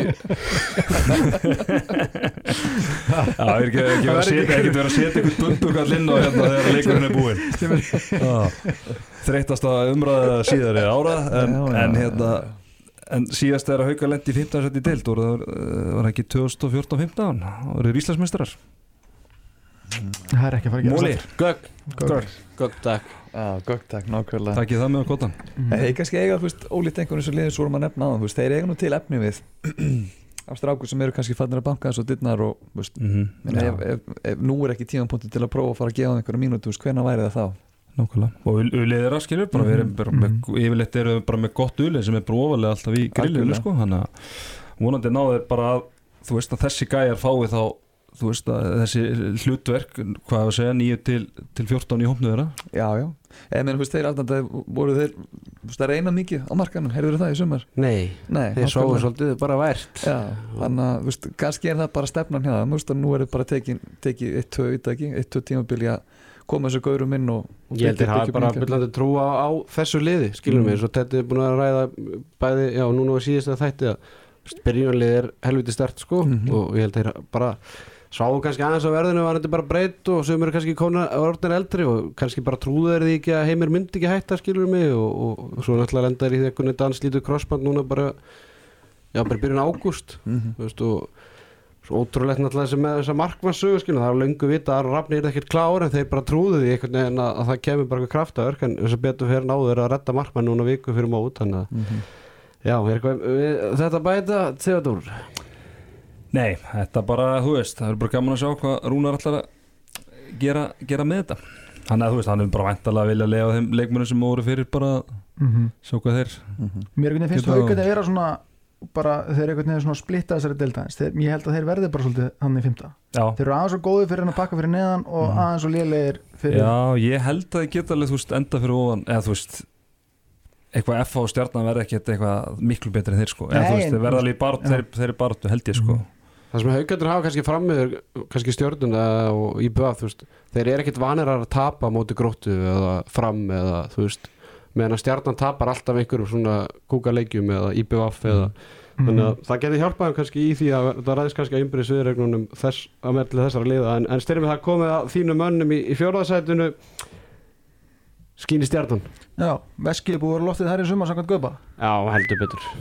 og, og, hérna, og í Já, ekkert nýtt þar vinnir nei, og hérna, já, bara Ég get alveg sagt það fyrir sjálfa mig, ég hef allan ekki verið spenntu fyrir stjörnuliðinu eins og í ár svona undanfæran ár, mér finnst þetta bara fengið góða, spennandi leikmenn inn í hópin svona við- það sem mér fannst vanta kannski bara eins, þú veist leikmenn sem geta svona, eru með mikla hlaupagetu og bara geta svona aðeins broti leikin upp bara með hraða og svo Ætlum þú að taka þér stjórnan TV eins og hérna fyrir þreymur árum? Nei, ég verð hér. Ég verð hér. Ég var, Ég vil hitt, ég vil hitt. Ég var svo kallaður hingaðinn og ég, mér fannst þetta að vera svona, Já, þetta svona meira. Já, og skilja hérna, þannig að sko ég sé alveg fyrir mér að það gæti alveg dottið inn byggar í Garabæðin í ár og þá, og þá helst í formi Þú veist, þakið, þakið er, er titill Er það einhvers konar. stjórnumenn, það er, það er byggar á leiðinni. Og þá einhvern veginn sé að því að stjörnunni hefur nú oft gengið vel í byggarnum Byggarlið Já, þannig að ég get alveg sé fyrir mig ef það vera hefnir með drætti svona til að byrja með kannski, fá ekki eitthvað úrvastaldalið val, IPVF eða nú að sleppa þau svona í fyrstu umförunum að þeir getu jafnvel, þeir fari í Final Four og júslut, þannig að hérna, það er svona þakkið skal ég segja, vombriðin, þú veist, bara þú veist, komast í úslutakefn og þetta strax út. Veist, það, það eru vombrið myndi ég segja fyrir, veist, fyrir þennan hóp. Þessi hópur á að vera í topp fjórum og komast þar hann að ég myndi setja að þú veist, þeir eru ekki að fara eitthvað í þetta nýjönda til tíundarsætti, bara ekki séns. Fjórðarsetti gefum það að þeir mæta þá haugunum í þessu spá í áttur úrslitum sko. Það er nú hætti ykkur ljúf viðregn Nei, en það er alltaf leikir á milli þessar tvekja liða, Ja. sama hvernig, þú veist Hárið bæði lið eru mönnu þá einhvern veginn Það er í vombrið fyrir bæði lið að þetta út í áttur úrslitum. A- Absolutt, Algjör, algjör absolutt sko. Herru, mikilvægst til hækkurinn í, í stjórnuleginu Ég setti það á, á, á nýja liðsmanni hjá mann Hergi Grímsson uh, ég veit, ég sko sjá hvernig er allan notan, ég hugsaði að hann verið á miðjunni svolítið til þess að bara, emitt, stýra sóknarleiknum líkt og hann gerði á Selfossi fyrra. Og ég er svolítið spenntur að sjá hvernig hann eitthvað að smetla inn með þá Tandra, Bjögga, Gunnaristinni þú veist, í kringu sig. Pétur Átna Pétur Átni, já, ég veist, sem ekki alveg sé hvernig hafa verið að stilla þessu upp en ég hugsi munum við alveg vera eitthvað með réttindan líka hægra meginn í vetur. Já, ég held að Tandri verði eitthvað hægra megin. Já, og hann var betri þar þegar Hákáður Íslandsmeistarar hérna árið 2010 þá var hann bara þar og var bara, bara góður sko. Þannig að hérna, já, ég er svolítið spenntur að sjá það og hérna, verður gaman líka að sjá veist, eins og við komum inn á í þættinum um daginn sko, veist, ég veit að stjarnan ætla að eitthvað að reyna að uppa tempóði hjá sér og, og, og svona hann að það verður gaman að sjá hvernig, hvernig, hvernig, hvernig það mun ganga þeim, við veit allan að þeir eru búin að æfa stíft líkt eins og öllu önnu liði deildinni en, en, en Nei, það er eina lið sem er en, en eins og þú veist Hergeir og Arnar eru báðir alveg leikmenn prúfin í þessari deild og líka þekkti fyrir það að vera í góðu standi. Það er nú oft loða við handbóltana menn séu með 1, 2, 3 auka kíló utan á sig en það er ekki hjá þessum tveimur ungu og það, og það uppa bara gæðin og æfingum Já, sko. Algjörlega. Og svo náttúrulega verður gaman að sjá hvernig hann Jóhann Kall kemur úr, úr, úr retirement skotnikonuna í hillinni hann er hérna já og hvað að segja, hvað þarf að smetla ég held að sé bara, þú veist markvæslan þarf að smetla þetta er náttúrulega bara búið að vera grín undanfærin ár. Það er ótrúlega að þú sért ekki búin að taka frá skóna sko. ég tel mig bara ekki geta eitthvað bætt þetta en þú veist það er bara eins og þetta er líka virðist veginn loða við patta þó sé ekkert eitthvað tengt held ég þjálfaranum en hann virðist bara ekki geta fengið markvöldun bara hvergi sko. Þú veist þetta er búið að vera hjá Selfoss þegar hann vann. Það er náttúrulega bara magnaður hafi unnið þetta því að þú veist þeir voru með svona 12% markvöldlu í, hérna í úslutakefninu þegar hann vann þetta hann fekk ekki mikla vöslu hérna, hefur ekki fengið, fengið mikla vöslu á stjórninu undanfærin ár og, og, og minn er þetta hefur verið svipað på tenningunni hjá Val og Haukum á sinni tíma sko. hann að bara vörn og markvæsla verður að smella og, og, og vonandi bara nær Adam að halda sér heilum eftir þetta höfuðhögg og hann, ég vil svolítið að hann fái rönnið sko. Og þeir eru með fínasta markvarapar svona með vönnulegið deildinni að- Tríó. Tríó já, vissulega en ég er svo sem aldrei eitthvað sérstaklega hrifin af því. Það er ekkert endilega betra að hafa allt og marga sem bara að keppa sem stöðuna sko. Bara Því miður kemst bara einn markmaður inn á Já, einu sko. Ríó, Ríó tríó. Já. Já, og stundum er enginn þegar uh, ákveðni menn eru að þjálfa. En við skulum ekki fórt í 7 og 6 og mínu skoðun á því núna. Jæja, ha, og hérna, já, hann að bara, þú veist, ef þeir ná upp þú veist, ég horfði að leikja í fyrir það sem voru að slefi í 10% vöslu, sko. Þú veist, samt voru inn í leiknum, sko. Bara að ná þessu upp í 20-25% og þá bara eiga er helling sens í þetta. Styrkleikar, veikleikar. Já, styrkleikarnir myndi ég segja sko, mér er breytt í hópnum minni ár kannski fyrir utan hægri skiptuna. En að öðru leiti, þú veist, þá eru þeir nokkuð vel mannaðir allstaðar, eins og sé, með þrjá markmenn. Það, hef, þeir hefður glálega kosið að hafa annan eh, aðra vinstri hérna, handa skittu en Tandri getur lesið þetta, Gunnarstedt getur alveg fara hérna líka og, og, og þannig að ég hugsa hópurinn og bara formið á hópnum sé betra núna en oft áður. Veikleikennir ég kem enn og aftur inn á þetta og mun aldrei hægt að segja þetta heimavöllurinn og bara hennur stemningsleysi þú veist, í húsinu, þá er ég ekkert endilega gaggrina áhörundu sem mæta á leiki en það er bara ógeðslega erfitt að ná upp stemningu í þessum game einhvern veginn, sko, þú veist, að bergmálar þarna og ég bara þólið þetta hús ekki bara, og hef aldrei gert og munur og aldrei gera Það er ekki bara teppilegja Veggina og svona? Nei, þetta er náttúrulega bara, veist, ég veit ekki að það er í áskar. Nei, ég meina, þú veist, þegar maður er að horfa á leikjarn, þú veist, bekkin er einhvern veginn niður út á miðju gólfu og það er bara heilt salu fyrir aftan sem, þú veist, það verður bara allt annað, þú veist, þetta er náttúrulega svipa hús og ásvellir Ekki glema klukkunni. Já, bara, þú veist, þannig að er ekki, king, er ekki kongurinn Vili Bjarnar alveg örgulega á klukkunni? Já, það verða einu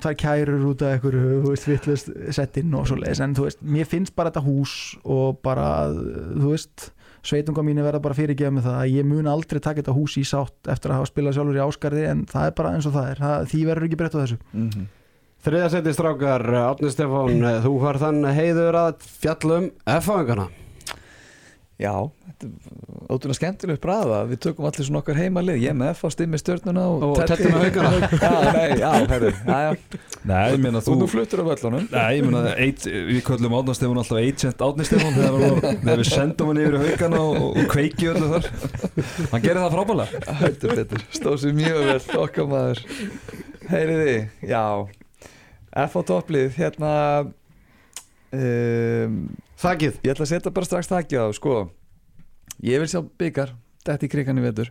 Og ég held að FO sem er lið núna sem gæti alveg svona Tekið rönn í byggarkeppninni og orðið byggarmestrar um, Kom kannski inn á eftir með Íslandsmeistartitlinn Kannski vantar aðeins upp á styrlinga þar En, en svona top 23 í deildinni Munum kannski verið baratunni þar.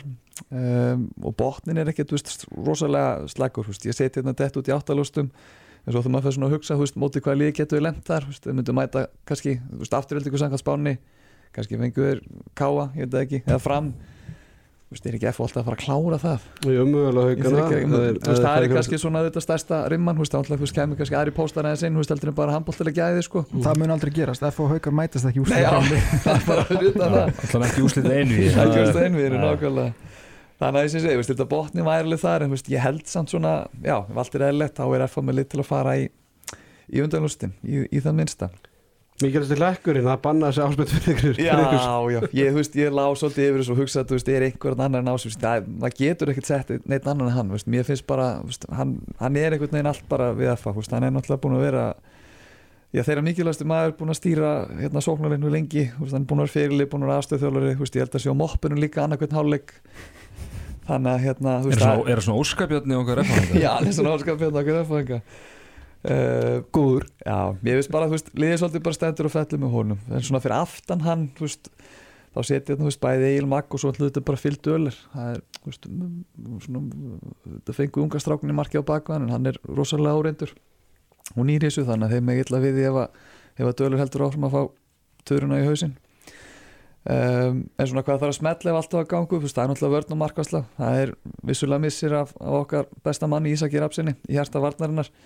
það og þeir ætla að byrja að fara á stað með, með Jón Bjarnar og, og, hérna, og annan af nýjumannum, Einar Braga uh, sem þristöpar og svo þegar Gusti Birgis kemur, kemur inn eftir meðslið þá náttúrulega kemur hann inn í þessu róturingu en hvena það verður er ekki gott að segja. Svona best case scenario mögulega tveir mánur en, það geta alveg text langlina fram áramótum eins og ég heyri þetta. Sko, maður kom Já. grípa hans inn í þetta? Er, er það að segja mér þessi frá í 24 mánuði? Gusti Birgis, já, svona eitthvað sem ég var að heyra já, en nú veit Sko, ég ekki með að þau erum að spáða myndi í þriðasæti þú veist, Ísak er farinn Mm. og Ágúst Birgisson er líka dottinn og vörninni mm -hmm. þú veist, í kannski rúmlega helming leikjana þá finnst mér bara bjart sín að setja FH í þriðasæti Já, það máli er færa, máli færa raukverði sko Þegar, þú veist, mér finnst stjarnan betur en þeir þú veist, bara persónulegt mat en, og bara, alveg ól, svona bara hlutlust Nei, þú veist, alveg fyrir menna, ég er nú uppálinni F og líka sko, það er ekkert já. endilega það þú veist, ég, þú veist, ekkert eitthvað lítið ekkert á mig sem meiri stjórnumann heldur en endilega F sko, en mér finnst bara stjarnan með betri hóp en F ok, en þeir eru náttúrulega snillingar í að, og hafa verið það í 20 og eitthvað ára að fokka upp góðum hóp sko, þú veist, láttu mig þekka ég var hluta einum sko, að- þannig að já, það er alveg já, En en, veist, ekki nema tökum Jón Björn svona- og eina bara, bara smetli en skilur, Já, það, það mun alveg taka tíma skilur já, já, já, algjörlega og það er svona líka, þú veist, það sem mun kannski engin veist, að þeir þurfa að spila þessa strákin, þú veist, eins og Einar Braga og, og hérna, hans, hérna Jóa, já, Berg Junior að þú veist, það mun taka tíma þetta að spila þá inn í þetta þannig að veist, og meðan Gústi Birgis líka veist, akkurat, þeir mun örgulega missa einhver stig fyrir áramót en ef maður hugsa þetta svona út heilt tímabila þá segja hann alveg fyrir mér þarna uppi. Um, uh, snillingarnir, þú veist, ég menna kjarnin liðinu tröstur, þú veist, þetta er bara þaulreint formúla sem er verið að byggja á. Uh, alveg aftur bara frá því að Dóri var með þetta og, og Steini búin að gera frábært mót eftir það með ása með sér.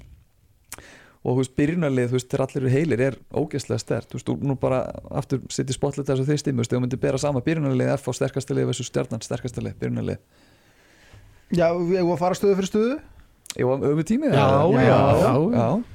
Meina, ok, F, F á vinnur í markinu, dölerinn Mhm. hver er hótninu, ég myndi segja að Arnar Freyr sér betri í vinstra já, sem að F á hefði nú getað fengið. Jú, jú, jú. það ekki? Mhm. já. hann er Eitt, eitt. F- F fórlega með Arna Frey hérna Vaff 2 Junior, já, já, version 2.0 ok, sammála því. Hvað að setja? Ása í skiptuna Egil? Egil, Egil Mag, Egil, sterkasta Egil lið Handri Egil Tandri ég Jattefli miður skipta bara núlast út Átti- átti-. Tandri Egil Hergir og Ási. Áttu ekki verið eitthvað sérfræðinga þáttur ætlum við bara að tala um einhverjum Homer Glirum Egil Magnússon. er er verkfræðingur? besti leikmaður deildina ætlum við ekki að hafa hann þegar hann Já, er Tandri að að segja, Tandri Konradsson ekki eitt besti leikmaður Ég deildarinn byrju sagði ekki á það þegar allir eru heilir. Egil. Magnússon á móti Tan- Ég myndi segja Egil Magnússon. Tandra. Að Tandri, sko. Tandri með landsleiki? getur við fengið hlutlust mat kannski? Er með landsleiki og atunumönsku á Mhm. bakinu. Mhm. Ég myndi Titil Íslandsmetra Ég ég- ég tek ekki Tandra. Ég myndi, taka er Nei, ef ég var- að hvað þjálfa- ef ég var að þjálfa handbóltalið þá myndi ég taka Tandar frekar í liðið mitt ef ég tek bara allan pakkan og bara availability allan já, pakkan við erum, allan pakkan ekki að ræða allar bakka Og Við erum að ræða sterkastu ok Erum við játtöflið þar eða? Ég, ég segi bara Ási Ási versus Hergeir og, og Egil versus Tandri bara Það núast út Já, já, það er bara stíflið, það er bara 2-2 Já. og við erum komin í hæri skiptuna Þetta var fljótt að gerast Ok Hvað er það, Jóhannes Berg Ég eða skil ekki Leonard? reglunar í leiknum, ég held sé að tapa Nei. Já, Nei. já, Það er já. Það er Hvort þetta hvort ætlar að hafa Jóhannes Berg eða Leonard í byrjarleginu? Jóhannes Jóhannes Berg og Mhm. geða móti Pétur Róna Pítur Rána Ég tek í Jóhannes Held ég, ég held að Jóhannes er betri þar Eða þú veist, báð Hann er öfsat í Já. honum en það er svona er við erum að- En ef- við erum að tala um stöðun í dag sko þú veist og svo það er bara betri í dag. Ég myndi, ég myndi, ég myndi henda bjögga sko, persónulega. Já. Þú veist, hérna versus Jóhannes sko. Ég myndi setja bjögga, Á, það var Björki betri. Já, ég myndi, þú veist, ég, ég, ég myndi starta bjögga í hæri skiptunni Við erum líka að gleyma Ok. okay. Gunnarstein sko. Já, ég myndi samt ekki, þú veist Breytin er miklu meiri stjórnum með Já. sko. Ég veld, þú mátt bara velja Já, ég er með vinur. Bjögga á Og þú ætlar að velja Bjögga sem Já, já. Ok, Og ég hann taki Jóhannes. Ok ok, þrjú tvö. Nei, just, ég segi það, Já, þú veist, þið, þú veist. Ég er sammála. Já, Já, já, ok. Já, og Ok, þetta bara hægra komið. hodnið Hvort Nei. hvort tekur Leo snæði að starra í hægur hodni á stjórnunni stimmi. Uh, Leo Ok, Leo móti Birgi. Mhm. Mér finnst þið voða áþekki sko, ég geti Já. ah. skastað upp pening og bara ég er sáttu með hvaða útkomum sem er Þú voru persónulega að vera með skoðunstim Það er Já, bara ég- ykkur einustu stöðu. Góð þú með, þú veist, hvað myndist þú taka? Ég myndi tekka Bjögga Ég er enda refa einhver, ég skal vikina það, að sjálfsög Mm. Æ, ég er sammála því. Já Og línan. Líka kannski, þú veist, upp á, þú veist, ef maður hugsa þetta aðeins, skilur, þú veist, maður getur spila góðan bakur líka. Mm. Virkilega góðan bakur og, og- sterkur hérna En það er þessi liði þrjóð veist. F.A. hérna Og Línum hann staðan En það gerir við ekki með strikið það Og breyttin stjarnan. Fjögur fjögur. Þetta endar í fjögur þrjú. Þetta er þetta er mjög játt. Hvað hvað séu endur skoðandi? Loka Fjögur þrjú F.A. En breytin, það má, hún er Hún er, hún vannmetin er vanmetin, að sjálfsög Mhm. að sjálfsög Mætti veist- liði væru hérna liði í- í töflunni.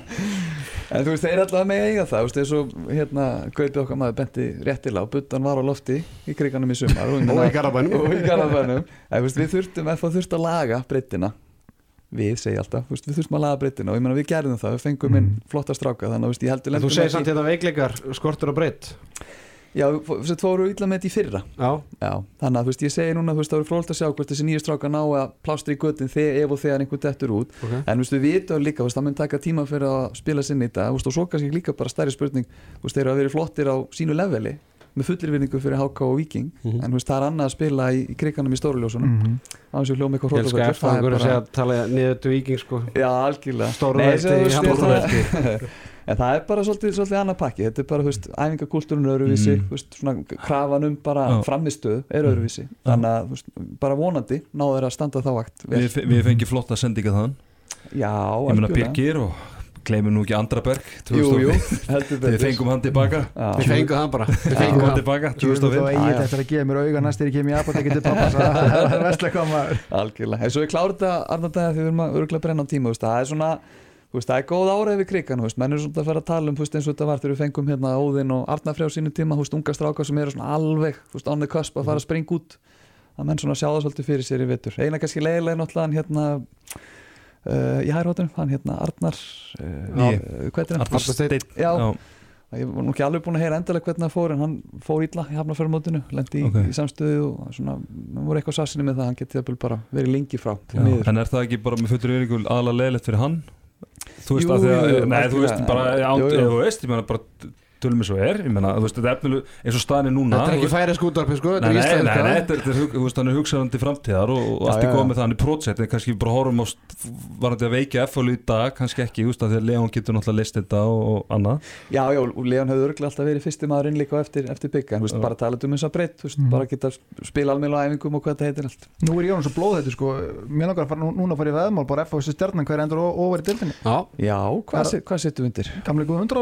er Mér Já, Það- það er bara þriðudag fyrir okkur kennarina Býtu, ver, verðhjóðunum, var þetta ekki, ekki 200 skallega?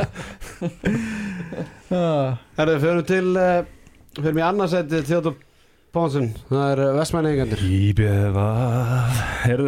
já, IBF þeir náttúrulega bara voru Já, þeir allan að gáfu valsmörum alvöru, alvöru hérna, þurftu að hafa fyrir því að klára, klára þetta úsliðið við fyrra og, og svona óks ásmegin eftir sem leið á, tímabilið. Og ég held bara svona, það muni bara halda áfram hjá þeim. Og ég segi bara að uh, ef allt smellur þá bara verður þeir í sens um allar titla. Og ég held þeir vinni að minnstakosti einn titill þannig ég ætla að segja að það ekki séu tveir titlar þeir vinna einn, ég veit ekkert Kristakúlan er smá blurry. Það verður djöfur sem sparat um hennar byggamestar til hún er blurry. Það fær eiginlega að halda fleiri byggjarkjarnir sko. Hún er blurry. Ja, þetta var í fyrra, það voru tvær byggakenni það var heldur þægilegt.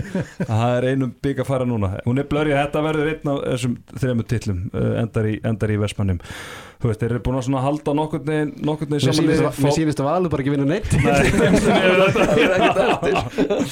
Nei, nei, ef við erum að setja þaka á allt þá eðli málsins samkvæmt þá gengur það exi-skjál ekki alveg upp að þannig herfi, það já, það var eina exi-skjál sem gengur En ég bara þeir hvað að missa áskisnæ þannig að vont verið að hérna, verið ekki með backup þá fyrir, fyrir rúnar og, og svo fáir hérna færi ekki hodnið og nýttilega Ísa Grafsson kemur líka.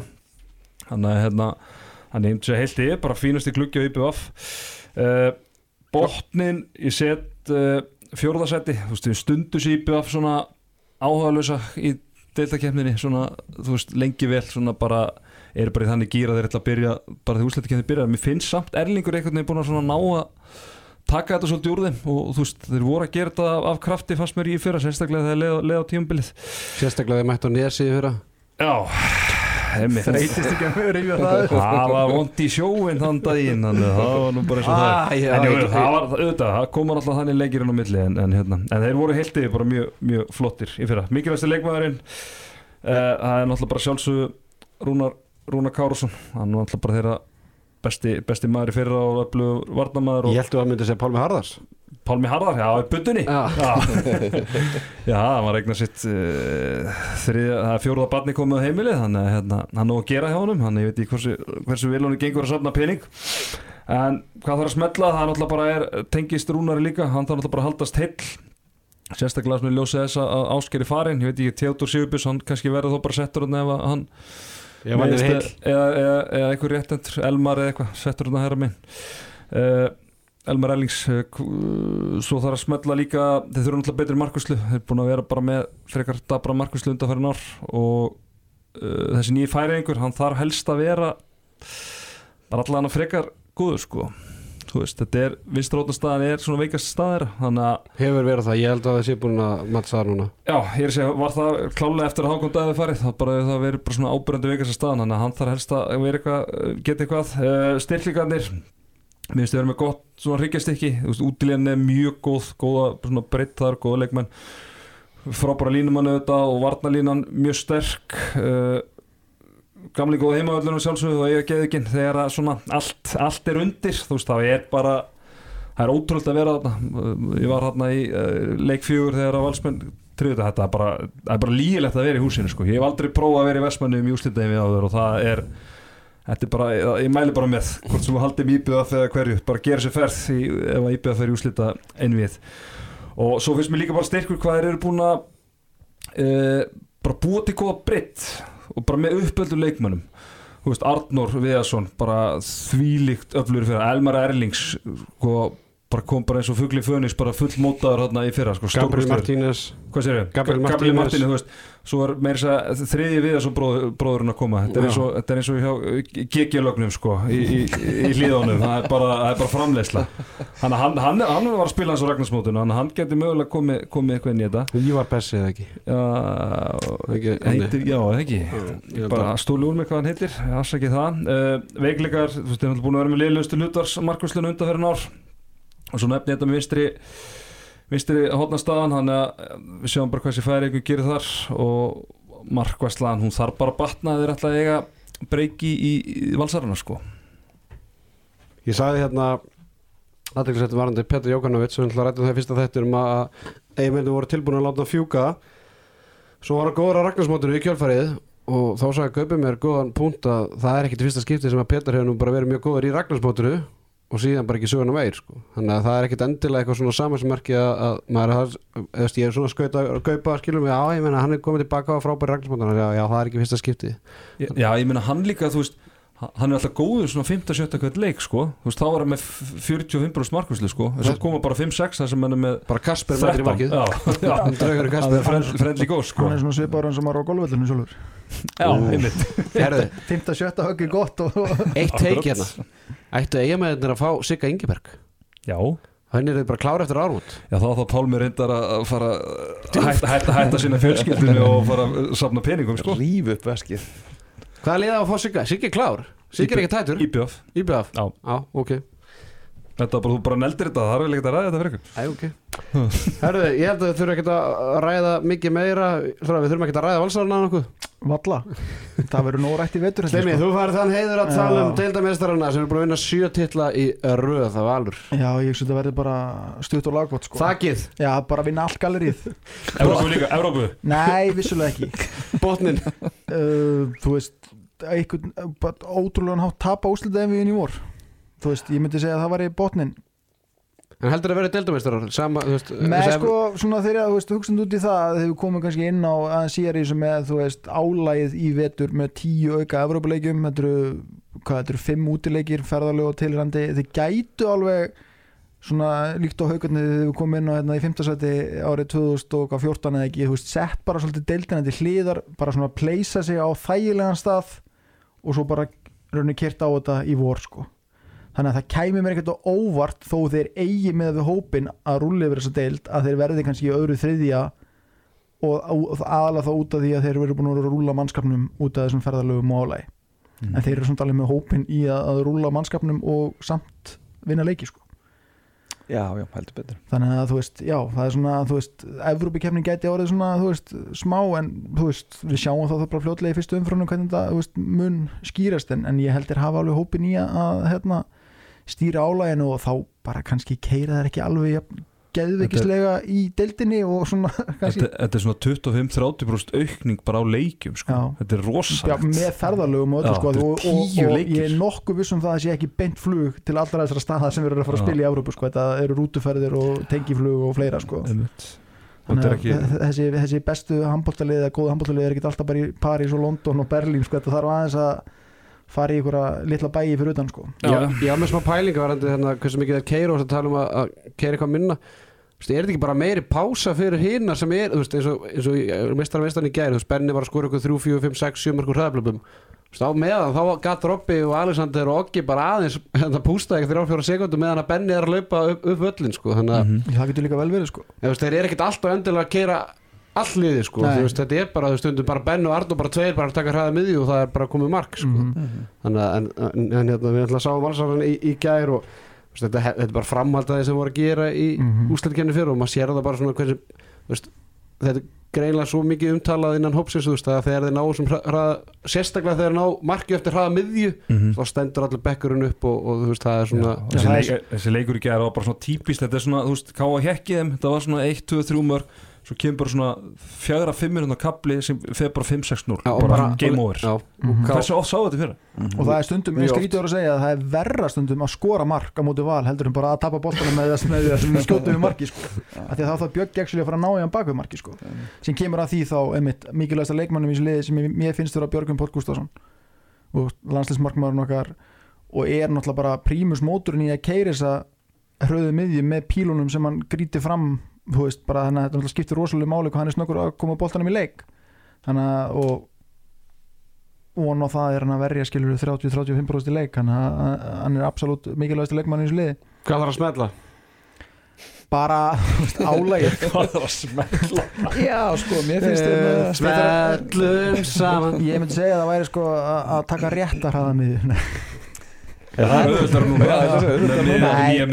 svona öllu grín sleftu þá er náttúrulega bara með þessu aukna álægi menn þurfa að haldast heilir og snorri þarf bara að þú veist, keira á hann þú veist, hvað, 16 manna hópið eitthvað og rúlunum vel sko. og ég þeir munu setja, þú veist, ég held um langi öllum að máta sig í Evróp þú veist, þeir eru svolítið búin að sína að þeir malbyggi yfir Ísland, en þeir langar svolítið að sjá sig hvernig þeir eru á alþjóðlegan hérna, en þeir munu setja meiri fókus á Evrópuleikina heldur en deltaleikina fyrir jól Já, klálega að er Og, og eftir jól líka þeir er ekkert að hýsa fjáröflunum og, og, og hérna, farið þennan kostna bara til að taka þátt sko. Veist, það Já, er bara ég held að þeim er ekkert eitthvað það er ekkert eitthvað krísufundur í, í- á hlýðarenda þá er endi í öðru sæti í deildinni sko. nei, nei, nei, nei, og ég, veist þeir reyndar elska góða krísufundir sko. þannig að þú veist, þegar maður talar eins meira um þetta þá kemur ekkert óvart að þeir verði ekki deildamestarar en þú veist, ég, ég valla tekan við eins og að tala um að það eru haugarnir sem bera mesta vinningu fyrir honum og svo, og svo kannski önnu lið sem að vinna sjaldan titla. En þú veist, stjarnan? Já, sjaldan, Já. aldrei. Já, ég meina FH ber vinningu fyrir þessu. Já, ég er að segja það, Já, við berum vinningu bara fyrir öllum til no plus það sko. Einhver þarf að vinna þetta en Já. svona þakki myndi ég segja að Valur takkið þá tíu í röð þá ekki, er ekki komin í sjö núna? Já. það verið tíu í röð í vor. Nei, þetta er alveg góð pæling sko því við erum búin að tala um val, þú veist, IPVF kannski, innan gæðslappa nenni ekki alltaf að þú veist, vera all-in í deildinni. Sjórið hann sko. Þú veist, við tölum aðan, þú veist, að FH kannski skortir aðeins þú veist, upp á eitthvað til að fara þú veist, stjarnan alltaf kannski ekki með mikla reynslu og mikla hefðabak Þannig að afturlík gæti bara orðið deildamestari. það er einhver að vinna en, þetta, hver er að vinna en, en þetta? að því sögðu, af því að ok, nú kannski erum við með lið, þú veist eins og val sem er búið að vinna allt núna, vinna, vinna sjötillir í röð. Og það er svona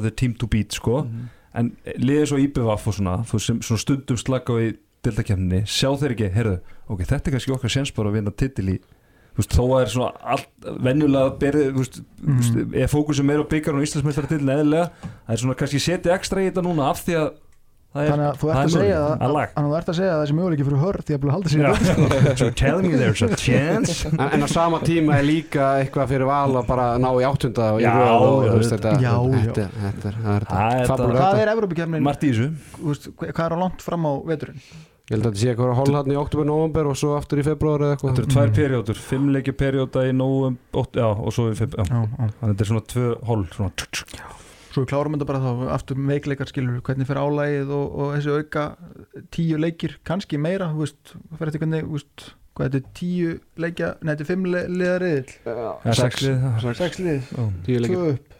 Akkur var ekki Bergeril í hóp í gær, þetta Heyrðu, það glemdist að það er ekki að vanta að selja, að vanta að selja hérna lóð þarna til viðbútar þannig að það var ekki til peningu fyrir félagskiptagjaldinu. Já, það var ekki búið að greiða það. Ég er alltaf mætti í hús, sá skýslum ég bara, nei, ég er Berger hættur. Þannig að ég, ég sendi á hann en hann var, hann var að hitu Já, já. Það fekk að vita þetta bara kortir í leik sko. hvað er þetta, tvöðu skall? 12 skall, þetta var bara klúður og- sem er basically 2 skall fyrir Já, ákveðin, félag bara leiðilegt fyrir hann náttúrulega sérstaklega að bara fá ekki aðeins að blúka sig. Hann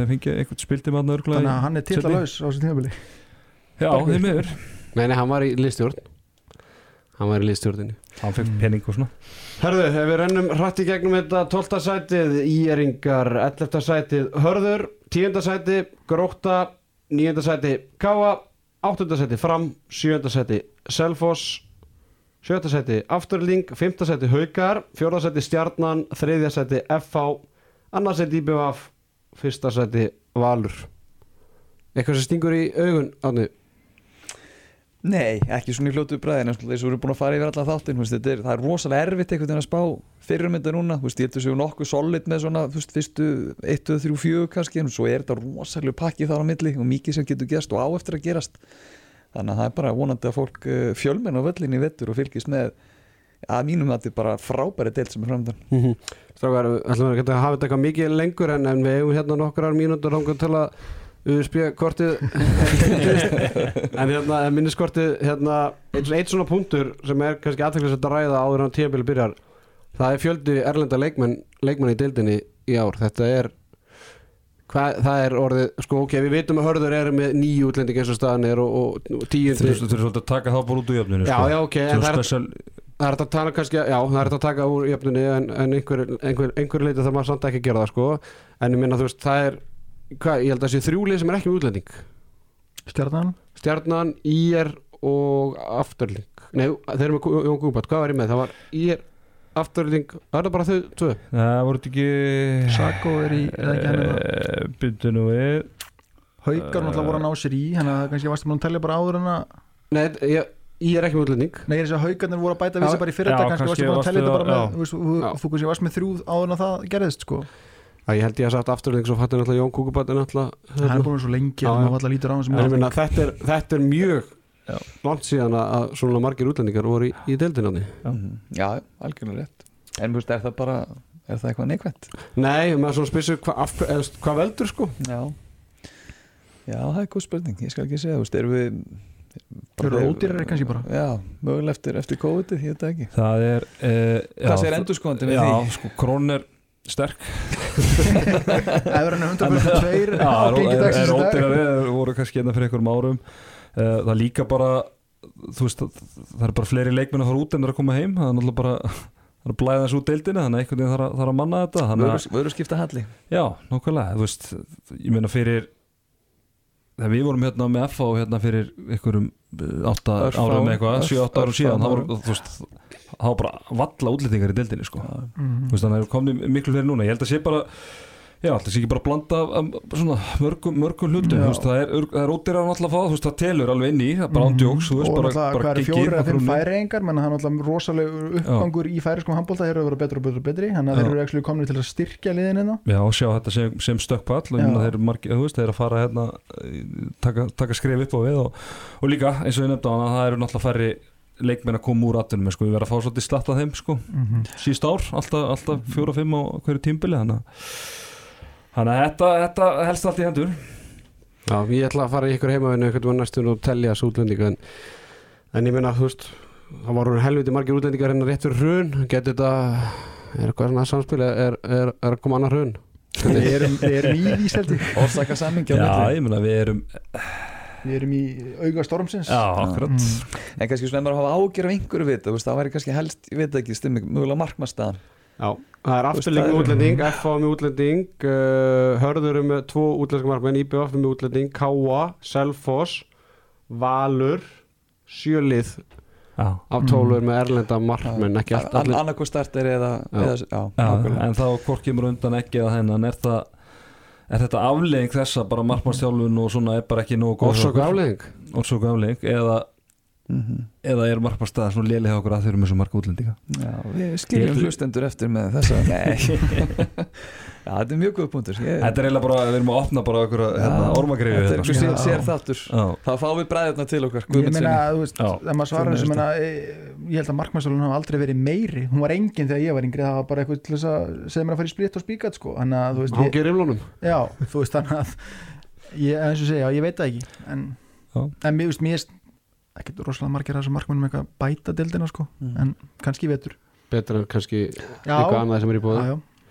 Herra strákar, uh, Ólisteldin Veislan hefst á fimmtudaginn með fjórum leikjum og á föstudaginn líkur síðan fyrstu umferðinni þar þar að segja að í, leikur í BF og Harðar er náttúrulega búið að fresta honum til eh, byrjun oktober Stefán Átni Pálsson og Áskir Örn Hallgrímsson ætla að hita upp fyrir fyrstu umferðina í vikunni þannig að það verður heitur þáttur frá þeim og síðan verður fyrsta umferðin gerð upp næstu helgi. Það verður nóga handkasti fyrir ykkur hlustundu góður í allan vetur. Strákar, takk hjá fyrir komuna. Gaman að sjá okkur að þessu bara ágætis sundarskvöldi. Það er sem leiðis vonandi verða það fleiri hérna hjá okkur í, í fiskabúrunu Já, takk hjá alveg sömulegis og bara í lokin hvetja fólk aftur til að mæta á, á miðvikudaginn. Styrkja gott málefni. Sjá hjónin berjast. Sjá henni berjast. Já, klart múl Mm.